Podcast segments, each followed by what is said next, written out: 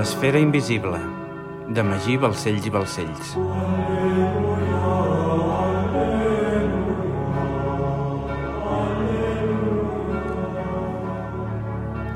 Capítol 21. El llibre dels Cèsars. Dijous, 16 de juliol de 1304. La Rochelle, ducat d'Aquitània. La brisa marina començava a refrescar la petita ciutat després d'un dia d'estiu intensament calorós, mentre Arnau de Vilanova gaudia de la imatge crepuscular assegut en una cadira vora la finestra. Semblava que la seva al·lèrgia als gats s'havia esvaït de la nit al dia, ja que des de que tenia el pomeritjo amb ell no havia patit cap mena de molèstia. Però hi havia una cosa més curiosa encara. El pomeritjo i la bresca, gat i gos, mai s'havien barallat. Al contrari, es mostraven afecte, dormien junts un al costat de l'altre, compartien el menjar i anaven junts a tot arreu. Era com si fossin germans. L'últim any havia estat especialment intens per Arnau. Benet XI l'havia enviat un altre cop a la Rochelle per seguir amb la seva feina. El pressionava constantment per accelerar la producció i en l'actualitat disposaven ja de centenars de tones de pólvora. No entenia per què volien tanta pólvora, però poc li importava. Li importava més les sorprenents paraules que Bonifaci li havia dit en Anyi. No es podia treure aquelles paraules del cap. Li costava entendre i creure el que Bonifaci li havia explicat abans de morir. Li semblaven les paraules d'un boig. Malgrat tot, Arnau havia llegit desenes de llibres que parlaven de la filosofia del temps per intentar apaivagar la seva set de coneixement. Però tot i així, com més llegia, més preguntes tenia i semblava que mai estaria en disposició de treure l'entrellat de tot allò. Aprofitant la visita del seu millor amic, tenia la intenció de preguntar-li al respecte per veure si en sabia alguna cosa. Ramon Llull i Bonifaci havien estat íntims amics i podia ben ser que el pontífex li hagués explicat alguna cosa. Feia quasi dos anys que Arnau i Ramon no es veien, des d'aquell sopar a la terrassa del Laterà on el Pomeritjo va caçar un colom en plena tempesta, i eren moltes les coses que s'havien d'explicar l'un a l'altre. Arnau tenia la taula a punt per sopar i havia explicat meticulosament a la seva cuinera valenciana les viandes que havia de preparar. Com que la cuinera no sabia llegir, Arnau li llegia les receptes escrites del puny i lletra de la seva dona. Feia vuit anys que Ramona, la dona d'Arnau, s'havia mort, però no hi havia ni un sol instant en què Arnau no la tingués present. Arnau hi pensava cada instant i tenia la clara intenció d'anar a visitar la família de la seva dona algun dia. Feia molts anys que no tenia notícies seves i volia entregar-los al llibre de cuina de la seva dona perquè la poguessin recordar. Ramona havia escrit un munt de receptes de cuina catalana i les havia enquadernat en un gran llibre que es titulava Llibre de totes les maneres de potatges de menjar. Arnau sempre portava el llibre a prop i tot sovint contemplava la lletra de la seva dona i sentia que podia visualitzar cada traça i tots i cadascun dels moviments de les seves mans. Quan va arribar a Fra Ramon, després d'abraçar-se, explicar-se moltes coses i gaudir d'un sopar exquisit i un potent vi a l'hora de les postres, Fra Ramon li va dir «Boníssim, Arnau. Les meves felicitacions a la teva cuinera. Gràcies. Són les receptes de la meva dona», va respondre Arnau. «M'hauria agradat conèixer-la», va dir Ramon. «És curiós que coneixent-nos des de fa tant temps mai arribés a conèixer-la. Poques vegades tu i jo ens trobàvem a Barcelona. Sempre era a Montpellier o a París», deia Arnau, «i la meva dona mai m'acompanyava en aquests viatges. A més a més, el poc temps que tu i jo podíem compartir sempre el dedicàvem a parlar de filosofia, mai de les nostres vides privades. Doncs era una cuinera excel·lent, va dir Ramon. La barcelonina amb el millor paladar. Bé, de fet no era barcelonina, explicava Arnau, però sí, tenia un bon paladar. Brindo per ella, va dir Ramon alçant la copa. Canviant de tema, imagino que ja deu saber que mor Benet XI. No, com? El papa és mort, va exclamar Arnau. Així és, Eh, un pontificat curt, només vuit mesos. Tinc la fundada sensació que hi ha Felip IV al darrere una altra vegada, va dir Ramon. Insinues que Benet ha estat assassinat? va dir Arnau. Benet tenia bona salut i no era pas gran. No seria desgavellat pensar que Felip hi té alguna cosa a veure, va dir Ramon. No va ser Felip qui va acabar amb Bonifaci? Eh, sí, però Benet tenia molts més enemics que no pas Bonifaci, va clarificar Arnau. Tens raó, però tot i així, alguna cosa em diu que ha estat Felip, va dir Ramon. Com va morir? va preguntar Arnau. Benet s'havia traslladat a Perugia, precisament per temor a ser assassinat, i havia establert una forta guàrdia per garantir la seva seguretat. Però sembla que de res ha servit. El van trobar mort al llit de bon matí, sense signes de violència ni evidències d'enverinament. Estava estirat al llit com si dormís amb total placidesa. Que sigui una mort natural és massa casualitat, no trobes? Tots els seus enemics s'acusen mútuament d'haver-lo assassinat, els francesos, els bonifacians i fins i tot els franciscans espirituals. I el conclave? va preguntar Arnau. El conclave va començar fa cinc dies i, de moment ningú ha aconseguit la majoria, explicava Fra Ramon. Hi ha dues faccions, deu bonifacians i sis profrancesos, a més a més de tres neutrals sobre un total de 19 cardenals. Eh, per tant, qui obtingui un mínim de 13 vots serà el pròxim papa. En teoria els bonifacians tenen les de guanyar, però a la pràctica ja ho veurem. Tot apunta que el conclave va per llarg, ja que l'únic que s'han posat d'acord els cardenals de moment és en modificar les restriccions de la Constitució Urbi Periculum per poder prolongar el procés d'elecció. Com s'ha de veure l'Església? Si Bonifaci aixequés el cap, va exclamar Arnau. Pobre, va dir Ramon. No em puc treure les seves paraules del cap, va dir Arnau. Paraules? Quines paraules? va preguntar Ramon. Quan estàvem tancats en aquella cel·la a Nanyi, després de dos dies sense aigua ni menjar, Bonifaci em va començar a explicar moltes coses, eh, coses sorprenents i difícils de creure. No sé si desvariejava o és que es veia proper a la mort i va tenir un atac de sinceritat. Eh, què et va dir? va preguntar Ramon, inquiet. Tot va venir perquè vaig descobrir que aquí a la Rochelle fonen plata i els hi canvien l'aparença amb aigua règia, fins a aconseguir que la plata sembli pedra. Com dius? va preguntar Ramon. Els templers descarreguen plata al port, després la fonen i li canvien l'aparença amb aigua règia perquè sembli pedra. Totes aquestes xamaneies són forns per fondre plata, va dir Arnau, senyalant la finestra. Fondre plata i canviar-li l'aparença? Eh, per què farien tal cosa els templers?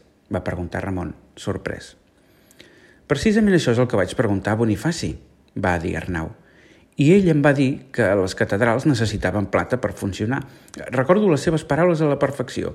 Si en una magna construcció àurea col·loquem plata en el lloc indicat, en aquest cas les claus de volta, tenim un perfecte control sobre el flux energètic. Flux energètic? Claus de volta de plata? Eh, sense lloc a dubte, Bonifaci desvariejava, va sentenciar Ramon. Em va dir, continuava Arnau, que des del naixement de l'ordre del temple estaven reformant les catedrals segons unes directius arquitectòniques més eficients i que quasi totes les catedrals i esglésies es trobaven sobre antics temples romans, temples que s'havien erigit en llocs rics en magnetisme des que Juli Cèsar va trobar l'aixovar d'Horus. Com? el va interrompre Ramon sobresaltat. L'aixovar d'Horus? Eh, sí, això va dir. Saps què és? Eh, sí, eh, bé, més o menys, va dir Ramon. És una antiga llegenda sobre el coneixement perdut, una sèrie de textos i mapes que parlaven dels orígens de la humanitat i la naturalesa de les forces existents a la Terra i la seva relació amb els animals, els vegetals, els minerals i, l'home. Coneixement perdut, va dir Arnau, sorprès. Segons la llegenda, explicava Fra Ramon, Juli Cèsar va trobar el coneixement perdut dins la tomba d'Alexandre el Gran. Als peus de la mòmia del general Alè hi havia una arca de plom i marfil amb l'aixovar d'oros a l'interior. Juli Cèsar va estudiar detingudament els documents, els va traduir i ho va agrupar tot, juntament amb les seves reflexions i experiències de govern, en un llibre secret, el llibre dels Cèsars. El llibre dels Cèsars? El va interrompre Arnau.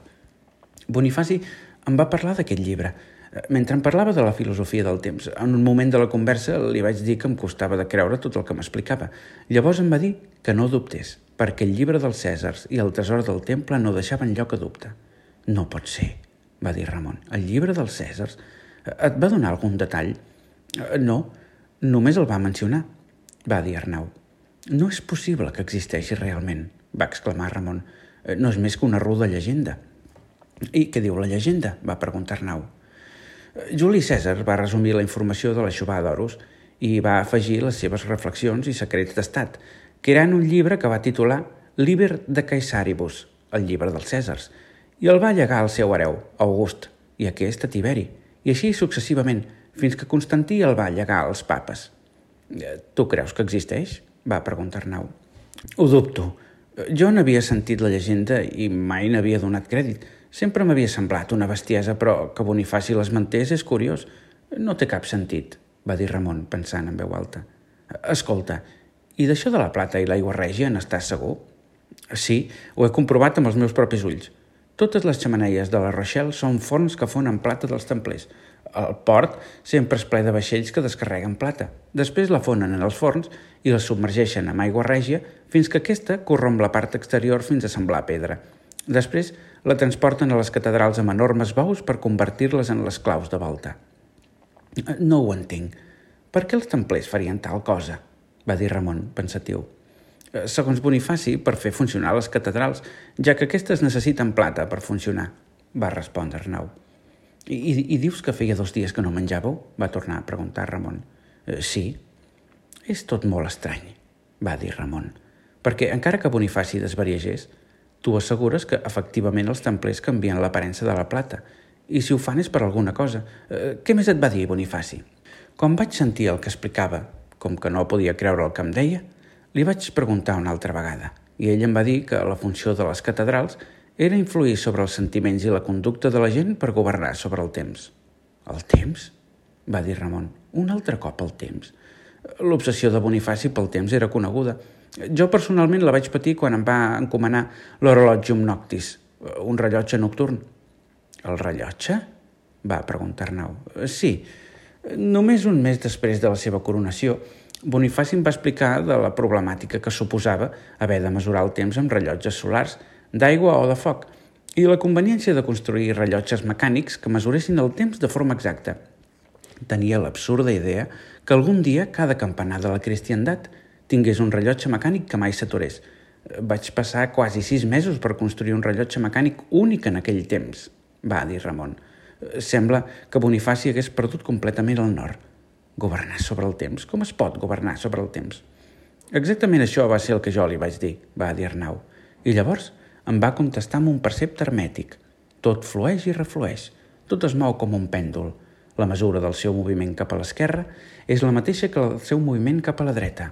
El ritme és la compensació.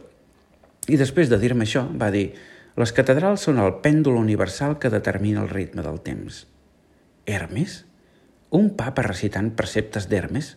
repetia Ramon, pensant absort de tot. Bonifaci em va dir que no existia principi ni fi i, que els esdeveniments responien a normes de causalitat que es repetien una vegada i una altra en el mateix ordre. Deia que de la mateixa manera que si et mous cap a l'oest arribaràs a l'est, si avances cap al futur arribaràs al passat. Eh, segons Bonifaci, eh, passat i futur són temps simultanis d'un únic i etern present, explicava Arnau. No té cap tipus de sentit. He llegit molts llibres que parlen sobre això i no fan més que generar-me més preguntes. Catedrals, claus de volta de plata, templers, el llibre dels Cèsars, Hermes, el tresor del temple repetia Ramon pensant. La taula de Maragda? Uh, què li passa a la taula de Maragda? va preguntar Arnau. Quin és l'escrit més famós d'Hermes? va dir Ramon. La taula de Maragda, no? Uh, sí, va contestar Arnau. I, I la filosofia templera està plena de preceptes hermètics, va dir Ramon. Potser la resposta de tot aquest embolic està en la taula de Maragda. Tu l'has llegida, ets alquimista. Coneixes millor que ningú el seu contingut. Dubto molt que la resposta es trobi en la taula de Maragda, va contestar Arnau. És un text curt i críptic que revela el secret de la substància primordial i les seves transmutacions. L'original era suposadament d'Hermes Trismegist, però no se sap on és ni si existeix. Ni tan sols és creïble que Hermes existís. Jo vaig llegir la versió traduïda a l'àrab, a València, i tinc un exemplar en llatí que es titula Secretum Secretorum. La taula conté en les seves poques línies el secret de la gran obra, un passatge directe a la perfecció. La taula de Maragda és la mare de l'alquímia, però la seva sola lectura no revela el seu significat. És necessari transcendir la nostra limitació racional fins a dominar el llenguatge del símbol. Dubto que els templers siguin capaços d'entendre el seu significat, si no serien alquimistes i no constructors de catedrals. Estic d'acord amb tu, va dir Ramon, però sabem que la filosofia templera està plena de preceptes hermètics, que els templers guarden gelosament els seus secrets, que la Rochelle arriba plata a vés a saber d'on, que la fonen i que Bonifàcit va parlar del llibre dels Cèsars i de la xubà d'oros. Eh, sembla tot molt estrany. En teoria, el que Bonifàcit va explicar no és més que una llegenda, però potser per entendre el que et volia dir hem d'aprofundir més en la llegenda. Et sorprendries de la quantitat de veritats que l'Església ha amagat o convertit en llegendes fantàstiques. Eh, tu has llegit la taula de Maragda i me l'acabes de descriure a la perfecció, però saps molt bé que existeix una llegenda sobre els seus orígens, va dir-li Ramon. Hermes Trismegist és el nom grec derivat del sincretisme del déu egipci Tot, el déu grec Hermes i l'Abraham dels jueus, deia Arnau. Per això se l'anomena Trismegist, que significa tres vegades gran. Hermes Trismegist va crear l'alquímia i va desenvolupar el sistema de creences conegut com hermetisme, i ho va fer a través de la redacció del Corpus Hermeticum, una col·lecció de 24 textos sagrats, i de la taula de Maragda. Però les dues obres s'han perdut en la nit dels temps i tot el que en sabem és per boca de persones que van viure en temps molt allunyats de la seva redacció. Eh, per exemple, tot el que sabem del Corpus Hermeticum són els escrits de Sant Agustí d'Hipona, on argumentava contra els textos, o a Plató, a Timeu i Críties. Eh, què deia Plató? va preguntar Fra Ramon. Sempre és interessant la seva visió. Plató va escriure que, segons les creences egípcies, els déus havien governat Egipte abans que els faraons, civilitzant-los amb el seu saber, i que tot, és a dir, Hermes, era el déu de la saviesa i guardià del coneixement. Plató va escriure que havia visitat el temple de Tot i que hi havia sales que contenien registres històrics secrets de les doctrines hermètiques que tenien més de 9.000 anys. Eh, però l'únic cert de tot és que mai s'han trobat aquests registres. O Plató mentia, o les sales i els registres segueixen ensorrats sota el desert. I, i la taula de Maragda? On és? va preguntar Ramon. Ves a saber, va contestar Arnau. Només en tenim les traduccions en àrab i llatí. Segur que te les saps de memòria, va dir-li Ramon per animar Arnau a recitar-la. Arnau es va aclarir la boca i va dir 1. El que dic no és fictici, sinó digne de crèdit i cert. 2. El que està més avall és com el que està a dalt, i el que està a dalt és com el que està a sota. Actuen per complir els prodigis de l'un. 3. Com totes les coses van ser creades per la paraula de l'ésser, així totes les coses van ser creades a imatge de l'un. 4. El seu pare és el sol i la seva mare la lluna. El vent el porta al seu ventre. La seva dida és la terra. 5. És el pare de la perfecció arreu del món. 6. El seu poder és fort si es transforma en terra. 7. Separa la terra del foc, el subtil del bast, però sigues prudent i circumspecte quan ho facis. 8. Sense ment per complet i puja de la terra al cel. I, després, Novament descendeix a la terra i combina els poders del que és a dalt i el que està a sota. Així, guanyaràs glòria en el món sencer i la foscor sortirà de tu d'una vegada. 9. Això té més virtut que la virtut mateixa, perquè controla totes les coses subtils i penetra en totes les coses sòlides. 10. Aquesta és la manera en què el món va ser creat. 11. Aquest és l'origen dels prodigis que es troben aquí. 12. Això és pel que sóc anomenat Hermes Trismegist, perquè tinc les tres parts de la filosofia còsmica. 13. El que vaig haver de dir sobre el funcionament del Sol ha conclòs. Eh, aquesta és la versió àrab o la llatina? va preguntar Ramon, intencionadament. Eh, la llatina, va contestar Arnau. La versió en àrab canvia algunes paraules. Per exemple, allà on diu Hermes Trismegist, diu tot l'Atlant. A més a més, l'obra en àrab esmenta que era líder d'una germandat de l'Atlàntida, la qual cosa desautoritza el, tot el text. L'Atlàntida, per l'amor de Déu, on s'és vist? I si resulta que fos cert i l'Atlàntida existís? Va dir Ramon mirant-lo amb els seus ulls negres. Eh, m'estàs parlant seriosament? Au, va, com ha d'existir l'Atlàntida? Va dir Arnau, rient. Ramon es va esperar un moment en silenci. Va mirar Arnau fixament i li va dir, existeix. Eh, com dius? va dir Arnau, incrèdul. Em creus que prové la plata dels templers? va dir Ramon. No pot ser, Ramon, va dir Arnau mirant el seu amic. És Arnau, és, va dir Ramon. És un dels secrets més ben guardats de l'Església. L'Atlàntida existeix i forma part d'una de les províncies de l'Orde del Temple. Estic segur que la plata que els templers descarreguen en aquest port prové de l'altre cantó de l'oceà. Una província templera? En tens alguna prova? va dir-li Arnau. Saps que tota la vida he estat enamorat de la mateixa dona, oi? Li va dir Ramon. Eh, sí. Les poques vegades que hem parlat de les nostres vides privades sempre m'has dit que estaves enamorat, encara que mai m'has dit d'aquí, va dir Arnau. Prefereixo no desvetllar de qui es tracta, però ho faig explicant-te que estic enamorat, va dir Ramon, somrient. El cas és que un dia ella em va demanar ajuda per intentar introduir el seu fill a l'ordre del temple i va ser així que em vaig posar en contacte amb Fra Dalmau de Rocabertí, el qui llavors era mariscal. Vaig fer gran amistat amb ell, tanta que vam arribar a un acord per convertir el fill de la dona que estimo en un templer important. Eh, però què té a veure tot això amb l'Atlàntida? va preguntar Arnau, impacient. Espera, tu escolta, va dir Ramon per asserenar-lo. El fill de la dona que estimo era indomable i només teníem una manera d'introduir-lo a l'orde i fer-lo ascendir, l'amor. El jove estava enamorat d'una camperola i només allunyant a la camperola a Xipre podíem aconseguir que el jove s'iniciés en l'orde. Així, després d'una important donació a la Inquisició, vam aconseguir que aquesta la jutgés i la desterrés a Xipre. Fins aquí bé. El cas és que, quan Fra Dalmau de Rocabertí va veure la nostra generosa donació, ràpidament va entendre que podia fer negoci amb nosaltres i va ser llavors quan ens va parlar de l'Atlàntida.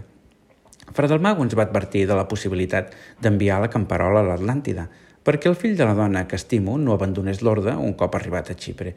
Jo no em vaig donar crèdit i sense desvetllar la font li vaig dir a Bonifaci que coneixia l'existència de l'Atlàntida.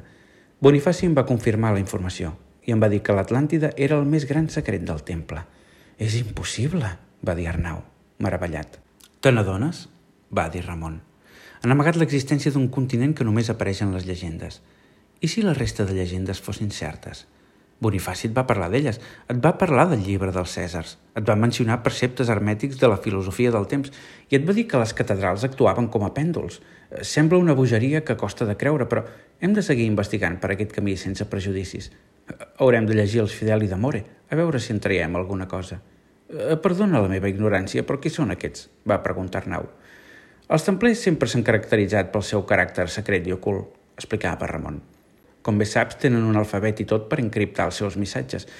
Però com que han estat molts els que l'han aconseguit desxifrar, els templers, seguint amb el seu secretisme i per evitar el risc de l'alfabet, van crear fa uns 20 anys una branca paral·lela, la fe de santa. La fe de santa? va preguntar Arnau. La fe de Santa té l'objectiu d'estendre els missatges templers mitjançant l'arquitectura i l'art, de forma que tothom els pugui veure, però com la taula de Maracta, només aquells que han estat instruïts puguin entendre'ls. La fe de Santa està composta per la Massien du Sang Real, un grup de constructors que han omplert les catedrals d'estranys símbols i inscripcions, i pels Fideli d'Amore, escriptors, pintors i trobadors que, amb belles obres aparentment inofensives, transmeten missatges secrets només intel·ligibles per als iniciats. No conec cap escriptor que s'identifiqui com a Fideli d'Amore, va dir Arnau.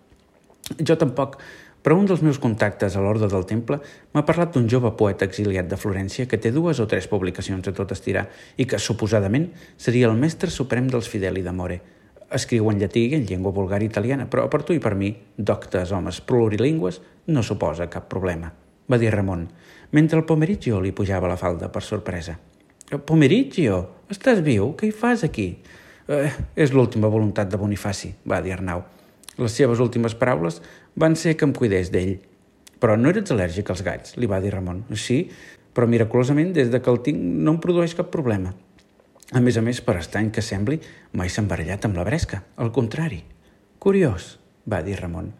Mai havia tingut gats, és més, sempre els havia odiat, però aquest és tan afectuós. No va ser tu qui li va regalar a Bonifaci? va preguntar Arnau. Sí, va dir Ramon. Sabia que a Bonifaci li agradaven els gats. I mira, curiosament el vaig agafar de la casa de la dona que va ser condemnada per la Inquisició, la que ens va servir per fer promocionar el fill de la dona que estimo, quan la seva casa va ser decomissada.